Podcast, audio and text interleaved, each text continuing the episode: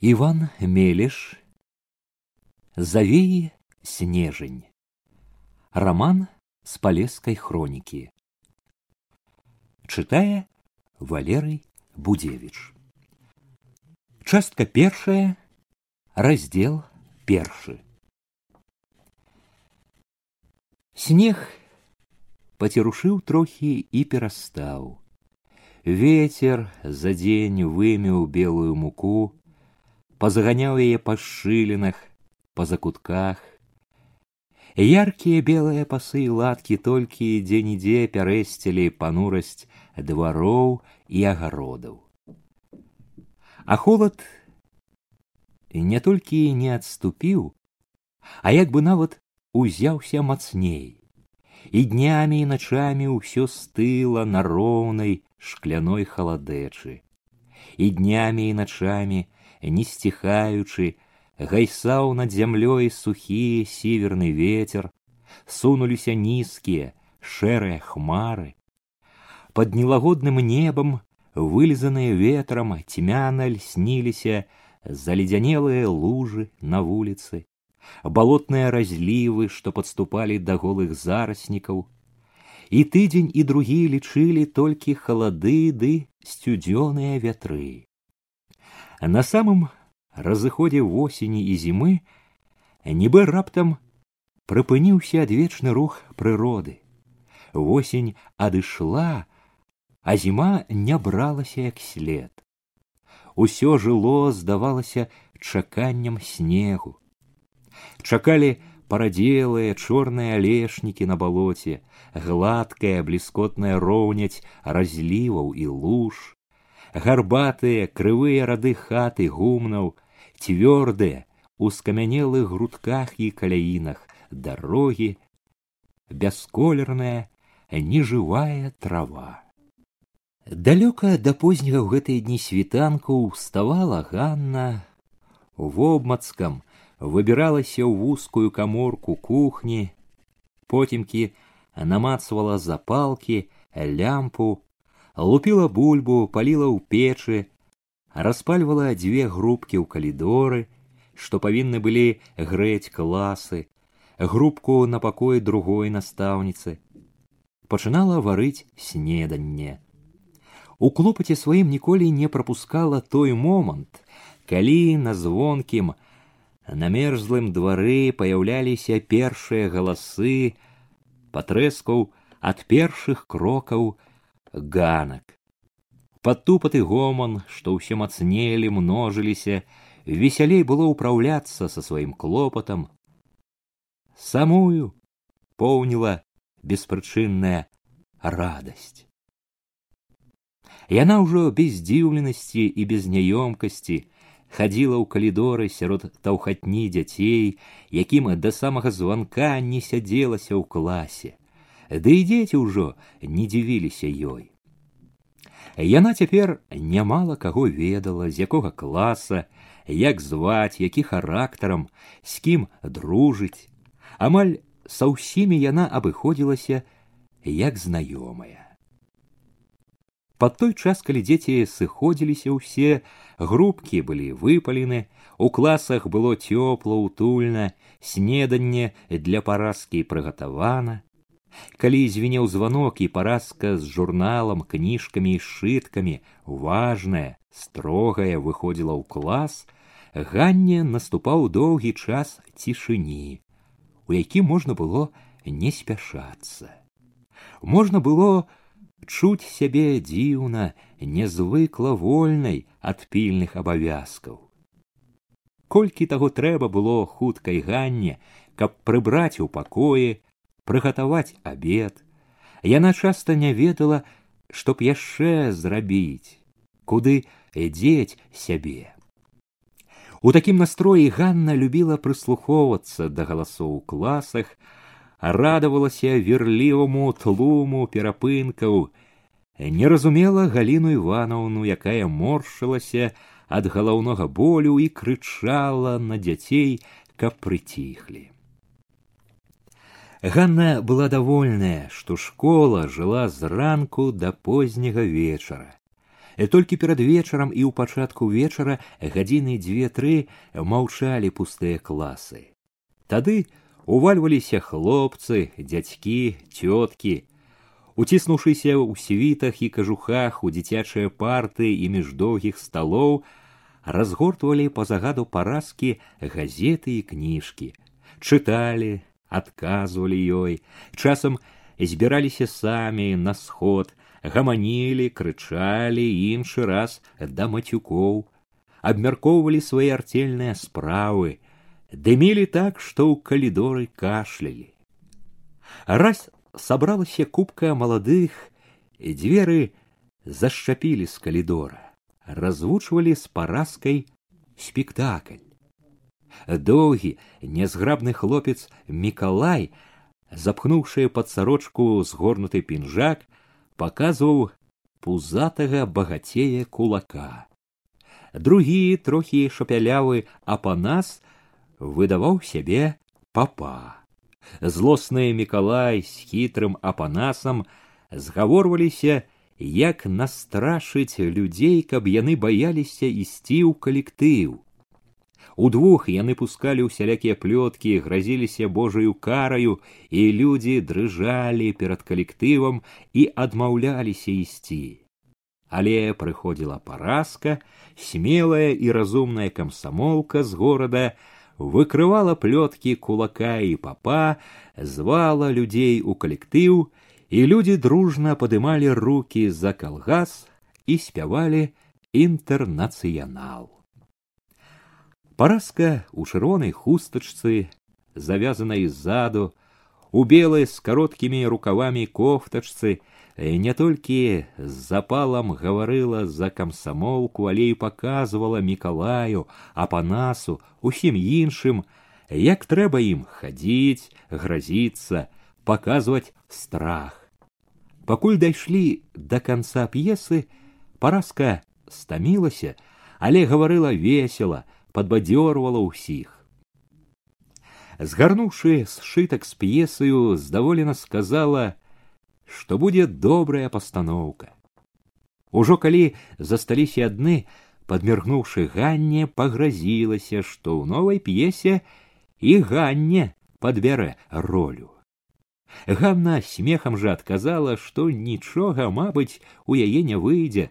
Няздатная яна, Ганна, на такія штукарствы. Ганна і парасцы і ўсім, хто цікавіўся, як ёй жывецца цяпер, показывала, што яна шчаслівая і нават бесклапотная. Але калі праўда, што яна, як бы там і не было, радая была вялікаю такую чаканую пераменаю ў сваім жыцці, то ніякай бесклапотнасці яна не знала. Пільна схаваны ад людскіх вачэй неспакой жыў ёй, насцярожваў, не даваў поўна шырока цешыцца радасцю вызвалення.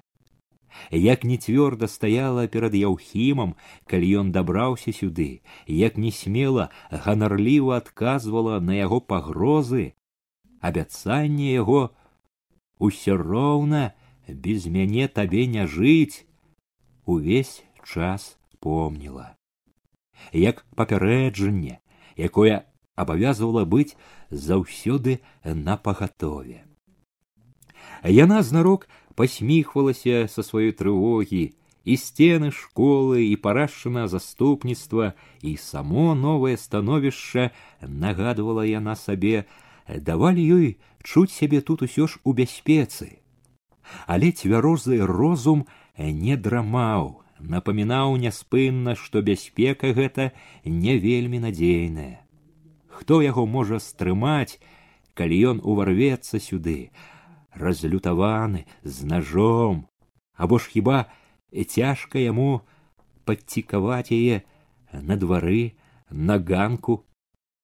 Ледзь не ўвесь час цягнула яе да акна на вуліцу, прымушала ўслухоўвацца ў крокі дарослых у галасы. З гэтым неспакоем жыў у ганне яшчэ адзін, пра які ніхто не толькі не ведаў, а і не мог здагадвацца, але да якога яна ўсё больш звыкала, і які ўсё больш вызначаў, як ёй быць, што рабіць далей. Трэці месяц у ганне расло, дужэла, заяўляла пра сябе дзіця. Не сказаўшы нікому слова пра яго, Ганна, мяркуючы, як жыць далей, ужо нязменна прымяркоўвала і яго. З ім у ганіна жыццё ішло багата невядомага, багата такога, што давала яе думкам пра будучыню няпэўнасць. Як ёй адной з ім калі самой між зямлёй і небам жыць даводзіцца калі гэта ж ясна давядзецца выйсці з гэтага няхай сабе не вельмі надзейнага а ўсё-таки ж знойдзенага прытулку гэта ж ясна не жыць жа ёй тут калі прыйдзе пара раджаць трэба будзе кудысьці ісці куды хто прыме ад яе малое Цяпер, калі яна і думаць не можа пра тое, каб хоць пад якім прымусам вярнуцца ў курані. У гэтыя турботы нязменна ўлазілі горкія думкі, што от суджана малому, якое яшчэ не нарадзілася, спатыкацца з бядою, паявіцца быць без бацькі.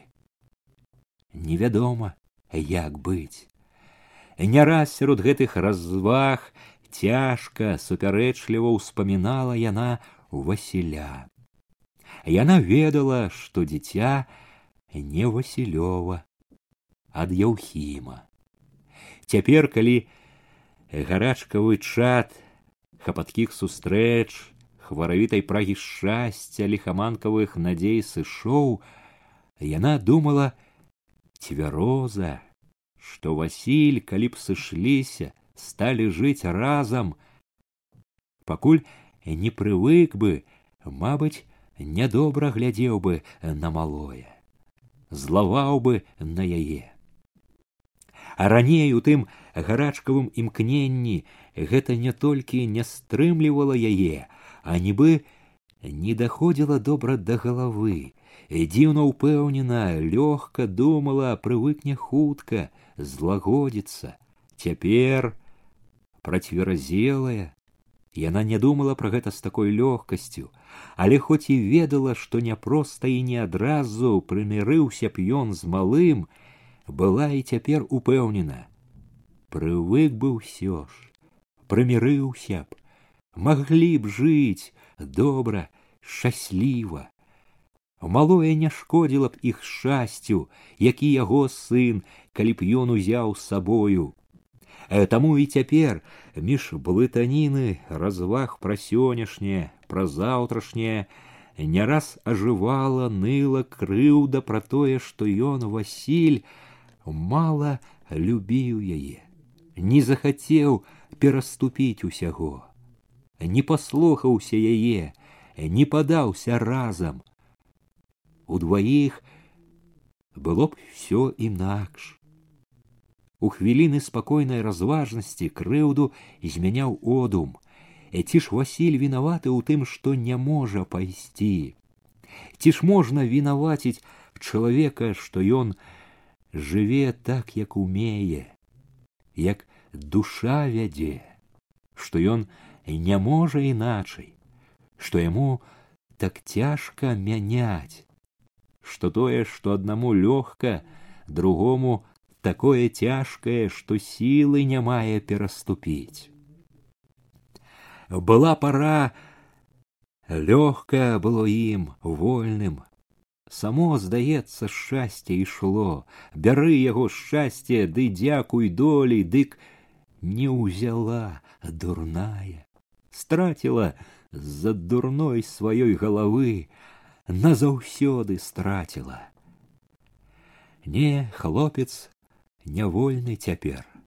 Гаспадарку зладзіў сваю, столькі сілы ўпяў, столькі агораў прыкіпеў душою, душу ўсю аддаў. Калі б і кінуў усё, пайшоў з ёю, багата б там асталося, нявольны, не можа, свая дарога. Неахвотна, прамушаючы сябе, адступалася, адрывала яго ад сваіх надзей. Няма чаго хапацца за тое, што прапала. Трэба жыць тым, што дае доля, жыць адной, меркаваць адной. Думала не раз пра курані, што там гавораць пра яе. Стараючыся адгадаць, яна амаль чула галасы спачування, асуджэння, ухвалу. Сярод іншых згадвала насцярожана мачыху, лагодна, журліва бацьку. Як ён перажыў падзею гэту несамавітай долі сваёй дачкі. Даведаліся ж пэўна, дзе яна, не могуць не даведацца, павінны, мабыць, прыехаць скора. Яны прыехалі на другі дзень пасля таго, як заявіўся Яўхім. Ганна толькі памыла падлогу ў парашчаным пакоі, выйшла з вядром бруднай вады на ганак, калі ўгледзела, што з вуліцы на шырокі школьны двор уязджаюць калёсы. Адразу насцярожана стала, пазнала, перад калёсамі ступаў сівы бацькаў конь. Яна кінулася назад, ткнула вядро ў куток кухні, хапатліва опусціла падаткнуты край спадніцы, хутка выцерла ногі, руки, ступіла ў парашын пакой, па мокрай яшчэ падлозе, падышла да акна, з хваляваннем, з неспакоем сачыла. Бацька спыніўся сярод двара, няўпэўнена агледзеўся. Мачыха кіўнула ў бок школы, штосьці сказала, але ён крутнуўшы нязгодна галавою палез з калёс стаў наматваць вошкі на ручку кінуў каню сена мачыха таксама злезла з калёс навастрылася позіркам на школу ганна схамянулася выйшла на ганак з ганка ступенька за ступенькой сышла ўніз мачыха ўзрадавана заспяшалася насустрач. Бацька замітусіўся, узяў з воза клунак, таксама пайшоў, хапаючыся, быццам баяўся спазніцца. Мачыха паздаровалася, пацалавалася, бацька ад хвалявання толькі любасна, жаласна заморгаў вачыма. Мы тут подушку ды коўдру привезли, сказала деловита мачыха. Яна трымалася спокойно, с таким выглядом, быццам нічога і не здарылася асаблівага. Вот это добра, спокойно ж отказала Ганна. Со спокойной же гостинностью запросила: "Заходьте, гостями будете. Дайте мне клунок, тато. Да уже данясу не згадзіўся бацька. Яна першая пайшла ў калідор у баковачку кухні. У кухні заўважыла мачыха прыціхлая, пільная, азіраецца, разглядвае ўсё навокал. Бацька стаіць няёмка, не зварухнецца, трымае на руках клунак.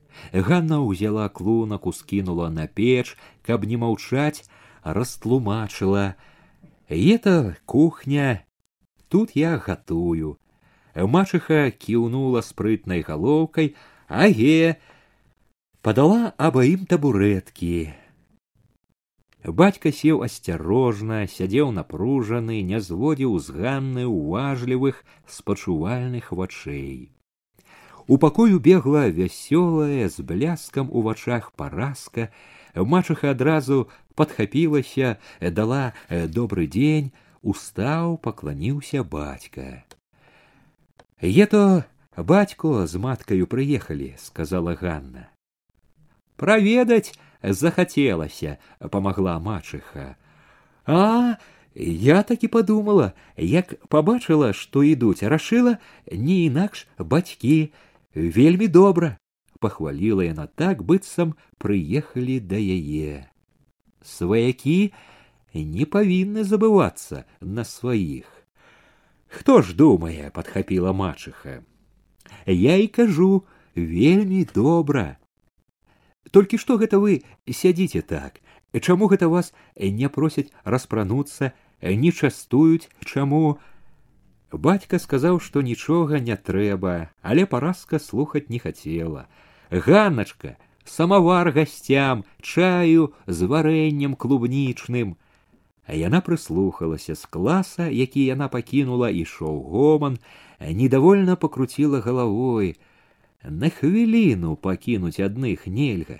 выскочыла з кухні мачыха сказала як бы не верачы хорошая якая ганна адазвалася з захапленнем хорошая схамянулася подбегла да самавара дастала з печы гарачага вуголля укінула ў трубу пакуль яна гнулася каля самавара мачыха не ўтрывала прачыніла дзверы ў парашын пакой зазірнула зачыніўшы стуліла сухія губы паківала галавой чарнушку чысто як у паноў Яна хацела глянуць і ў другі пакой галіны ивановны але раптам зазвінеў званок і яна спалохана адскочыла ад дзвярэй.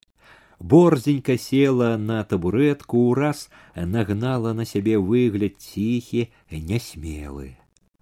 Адразу пасля гэтага ўвайшла галіна ивановна нелагодна зіркнула на абаіх моўчкі прайшла ў свой пакой пазней зноў зайшла паразка стала распытваць як жывецца хваліць ганну за працавітасць за розум У калідоры між тым бушавалі тупат крыкі потым было падобна пачалася нават бойка паразка схапілася кінулася туды пасля перапынку калі галіна ивановна зноў моўчкі прайшла праз кухню і ў калідоры стала ціха распрануўшыся ўжо асцярожна налівалі ў сподачкі чай сёрбалі і амаль увесь час маўчалі мачыха піла ўпраўна і варэнне спытала добра і хваліла яго бацька цягнуў ваду без смаку да варэння не дакрануўся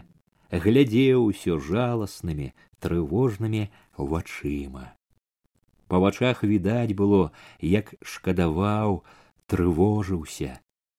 Ганяш супакоіць яго хацелася. Напіўшыся выціраючы яшчэ чырванейшы потны твар мачыха хвіліну сядзела важная сур'ёзная як бы паказваючы што цяпер пора пра галоўнае пачаць.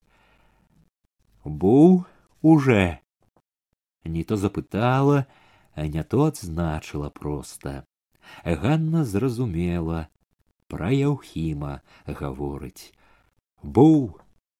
Мачаха сур'ёзна стуліла губы, уздыхнула. І к нам прыходзіў, гразіўся. Няхай грозіцца. Ганна весела ўстала, накрыла слоік з варэннем, тут таксама страшыў, да я астудзіла трохі. Бацька не павесялеў ад яе слоў на твары появілася нешта нават такое нібы папракнуць хацеў ты асцярожней будь попрасіў лагодна ён паганы аге ён калі пагразіўся дак нешта думае павучальна дадала мачыха ты ўсё таки бойся не такі ён страшны разважліва ўжо каб не трывожыць лішне бацьку прамовіла ганна страшны не страшны а асцярожней будь Да уже ж сама не полезу на ражон. Зноў папілі чаю са сподачкаў і сталі збірацца. Ужо каля калёс, перад тым як развітацца, бацька яшчэ нагадаў: Ён паганы, не адступіцца так. Ну і тое, беражонага Бог бераже. И это правда, стуліўшы губы, кіўнула мачыха. Ганна не стала пярэчыць. Бацька раптам болесна скрывіўся, ледзь не заплакаў, але стрымаўся. Калі што трэба будзе, накажы. Накажу. Пасля іх было маркотна, трывожна, думала пра Яўхіма, але зусім была і палёгка. Цяпер ведала, як яны там пасля ўсяго, што яна зрабіла. Пад вечар таго ж дня заехаў меканор. Прывязаў каня каля плота, доўга атрэсваўся каля калёс, выціраў запыленыя боты, на ганку ўжо прыпыніўся, гледзеў сябе яшчэ раз, абцягнуў пінжак, з калідора громка смела пастукаў. Ганна хоць у акно бачыла ўжо, запыталася, хто там. А калі ён браво ўвайшоў, акінуўшы позіркам яго нацятую постаць, сказала радасна: « О, міканор сам, не забывае сваіх куранёўскіх. А чаго ж забываць? У тон адказаў міканор. И это вот чтоб некаторыя куранёўскія не зазналіся, не забылі сваіх. Ён адразу заўважыўшы, што паразкі няма, прыслухаўся ці не чуваць на кухні ў класах, Ганна перахапіла яго з насмешачкай, памагла. Параскевы Андрэўны няма, пайшла на сяло саўсім нядаўна. Ён нібы не заўважыў яе насмешкі, знарок спакойна патупаў зірнуў окно да коня. Ехаў вот з Юравіч, дай думаю, пагляджу, як жывуць. Жывем вот неяк, не жалуемся, падчапіла, каб часцей заяджалі некаторыя, дак можа б яшчэ лепей жылі. На чоту райком вызывалі, нібы не заўважыў ён жарту. Як да зімы падгатовіліся. Меканор сеў на крэсла каля стала са сшыткамі, узяў адзін, разгарнуў. Это ж столькі труда трэба, чтоб навучыць чалавека розуму. Ну, і што там у раёне? Пахвалілі, усяго было. Трохі пакрытикавалі, далі саветы, усё як положано. Міканор устаў, ступіў некалькі крокаў спакойна, павольна глянуў на ганну, што сачыла з усмешачкай, нібы не бачачы гэту усмешачку пахваліў. Усё таки набралася духу, дала адстаўку глушаку. Даўно трэба было. От не могла додуматься сама, а ты не подказал. Сама думать павінна б. Е голова на плячах. Прайшоўся яшчэ трохі, сказаў тонам, у якім таілася нешта грознае, нічого. Скоро возьмемся так, што заеншаць глушакі канчаецца іх панаванне, так што ты не бойся. Бу кажуць уже, бу не бойся, дзякую за падмогу, толькі я не баюся. От і правільно. Ганна подумала раптам, што і ходзіць і гаворыць ён так быццам паразка бачыць і слухае яго ёй стала смешна за яго меканор улавіў кплівы яе позірк недовольна нахмурыўся твой дятлі кот за розум не бярэцца прамовіў строга з папрокам пагано можа кончыцца ганна перастала смяяцца а ты б памог яму падышоў бы як трэба К яму падыдзеш толькі загаворыш морду адварочвае. Значыць гаворыш так. Ты ж так гаворыш што часта і не зразумееш ці ты раеш ці загадуеш. Як камандуеш усё адно. Нагаварыўся уже аж у роце горко.